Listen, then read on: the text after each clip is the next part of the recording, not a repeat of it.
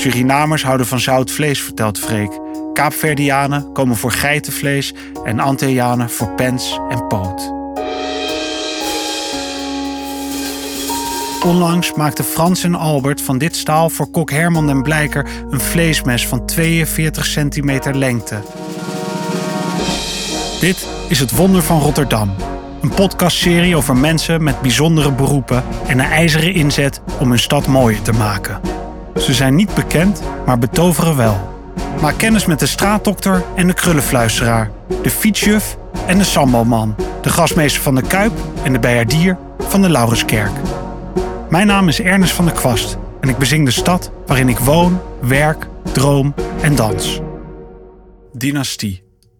Sinds 1796 staat er op de luifel van slagerij Schel op de Westkruiskade. In dat jaar opende Freek Schel een zaak in Kralingen. Een slagersdynastie was geboren. Steeds ging de slagerij over van vader op zoon en steeds heette de nieuwe slager Freek.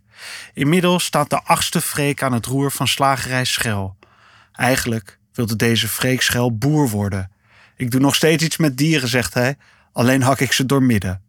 Het had weinig geschild of de dynastie was bij zijn vader geëindigd. Hij en zijn vader, Freek de zevende, konden niet goed met elkaar overweg. Beide zijn eigenwijs. De zoon heeft daarom bijna tien jaar lang een dierenspeciaalzaak gehad. Maar toen zijn vader met pensioen ging, verruilde hij de hamsters en parkieten voor varkens en koeien. En voor lam, geit, kip, kalkoen, duif en konijn. De toonbank van slagerij Schel is 25 meter lang. Het vlees ligt er van kop tot staart. Kalfspens, stierenpenis, varkenssnuitjes, kippenklauwen, rundertongen, donkerbruine levers, zachtroze longen, een hele geitenkop. Er wordt niks weggegooid, vertelt Freek. Ze verkopen zelfs varkensbaarmoeder. Chinezen eten alles, zegt hij. Schel is een multiculturele slagerij. Het ziet hier op zaterdag altijd zwart van de mensen, zeg ik altijd. Ook het personeel is divers. Er zijn Turkse, Antilliaanse, Surinaamse, Chinese en Kaapverdische verkoopsters. Ze spreken klanten in hun eigen taal aan en kennen de specifieke eetgewoontes. Surinamers houden van zout vlees, vertelt Freek. Kaapverdianen komen voor geitenvlees en Antillianen voor pens en poot. Het was zijn vader die in de jaren 60 inspeelde op de vraag van de eerste gasarbeiders. Grote lendenstukken voor Argentijnen, worsten met knoflook en paprika voor Joegoslaven. Zijn zoon ging een stapje verder. Hij klopte aan bij restaurant King's Garden en vroeg of hij in de keuken mocht werken. Hier leerde hij Chinese specialiteiten als fa chong en cha siu bereiden. Een slagerij met een breder assortiment is in Nederland niet te vinden. Alleen paardenvlees komt er bij Schel niet in. Vind ik niks, zegt Freek. En er is ook geen vraag naar. Vraag en aanbod moeten goed afgestemd zijn, vindt hij. Dat is het geheim van zijn succes. We zijn geen museum.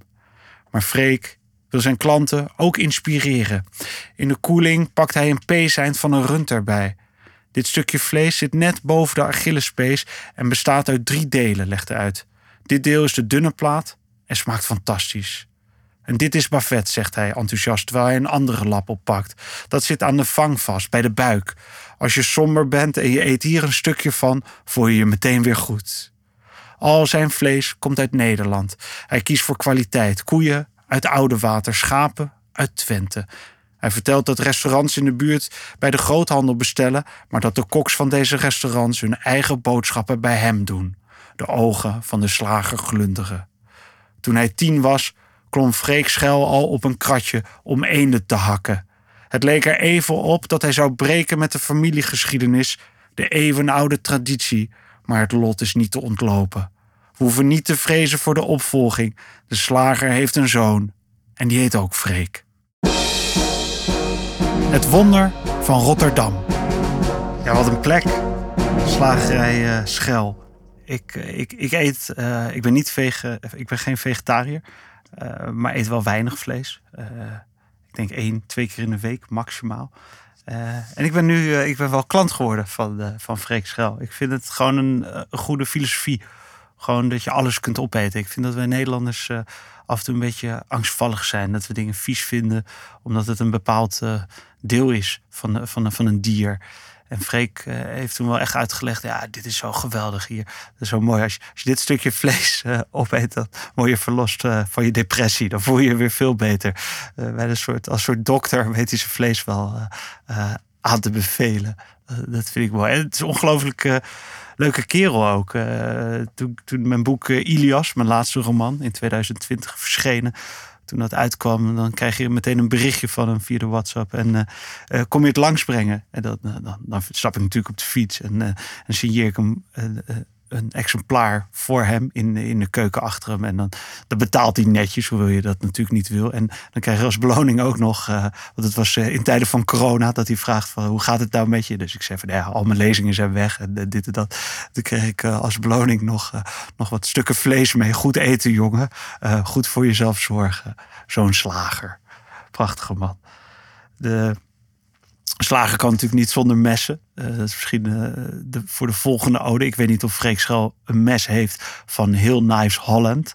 Uh, het was een, een, vader en een zoon die daar de messen maakten. eigenlijk de hele wereld gaan ze over. prinsen hebben ze, maar ook commandotroepen.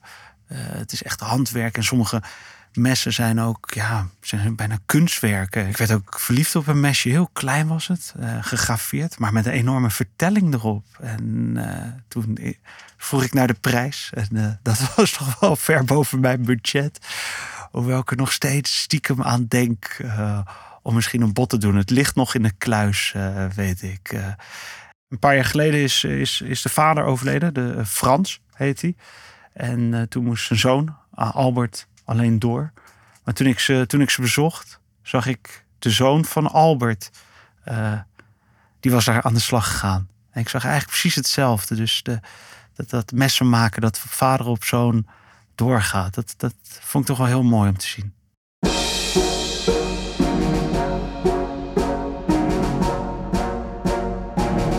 Staal. 200 jaar lang maakte niemand in Nederland handgemaakte messen totdat instrumentenmaker Frans van den Heuvel besloot om op kanotocht door Zweden te gaan. Hij had alles: een tent, een rugtas, een kano, maar een geschikt mes kon hij niet vinden. Hij besloot er zelf een te maken. Zijn hulpmiddelen waren een handboek en een vel. Het mes bleek een succes. Er volgden al snel bestellingen van vrienden en bekenden. En nog geen twee jaar later gaat Frans met een koffertje op pad naar exclusieve winkels in Parijs, Londen, Bern en Brussel. Op het lemmet van de messen staat dan al Heel Knives Holland. De internationale ambitie van meneer Van den Heuvel mogen duidelijk zijn.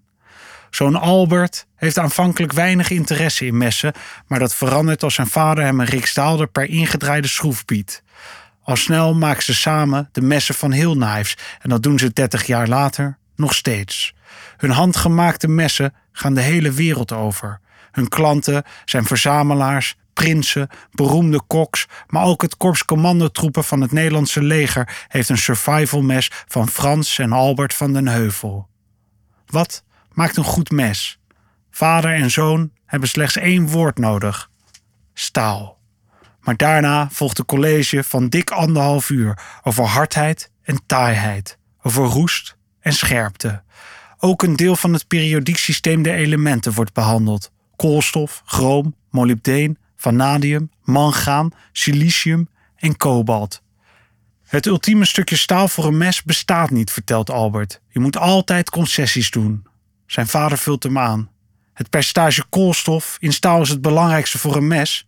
Hoe meer koolstof, hoe scherper het mes, maar ook hoe harder het roest. Het ultieme staal voor een mes bestaat dan weliswaar niet, maar bij heel Knives doen ze er alles aan om zo dicht mogelijk in de buurt te komen. Hun staal komt uit Japan, Oostenrijk en Duitsland. En uit Uddeholm in Zweden, waar staal wordt geproduceerd voor schaatsbladen. Onlangs maakten Frans en Albert van dit staal voor kok Herman den Blijker een vleesmes van 42 centimeter lengte. Het heft, dat naar zijn hand is gevormd, is gemaakt van geïmpregneerd palissanderhout. Giraffenbot, fossiele walrusstand en letterhout uit Suriname zijn andere materialen die voor de grepen van heel knives worden gebruikt. Maar je kunt ook kiezen voor mammoetivoor, meer dan 20.000 jaar oud, uit de permafrost van Alaska. Om van een strip staal tot een keukenmes te komen is 10 uur werk. Maar over sommige messen wordt een half jaar gedaan. Albert en Frans werken met de beste graveurs ter wereld. Ze hebben ook de mooiste namen, vind ik. Alain Lovenberg, DJ Dessart, Roland Baptiste. Ik word verliefd op een zakmes gegraveerd door de Italiaan Gianfranco Pedersoli. Voorstellingen die aan Michelangelo doen denken, ingelegd met goud. Dit is geen mes, dit is een museumstuk. De 77-jarige Frans is nog bijna dagelijks in de werkplaats te vinden. Ik heb geen zitvlees, zegt hij. Ik zou niet weten wat ik zou moeten doen als ik niet zou werken. Hetzelfde geldt voor zijn zoon. De mens achter het mes is monomaan. Ze gaan steeds meer op elkaar lijken, vader en zoon. Misschien komt het door het werk, de machines waarachter ze plaatsnemen. Ze zagen, slijpen en polijsten, hun rug gebogen over het mes, hun ogen onafgebroken gericht op de vouw van het lemmet. Nog niet zo lang geleden was messenmaker een uitgestorven beroep. Nu is het leven ingeblazen. Schitterend leven.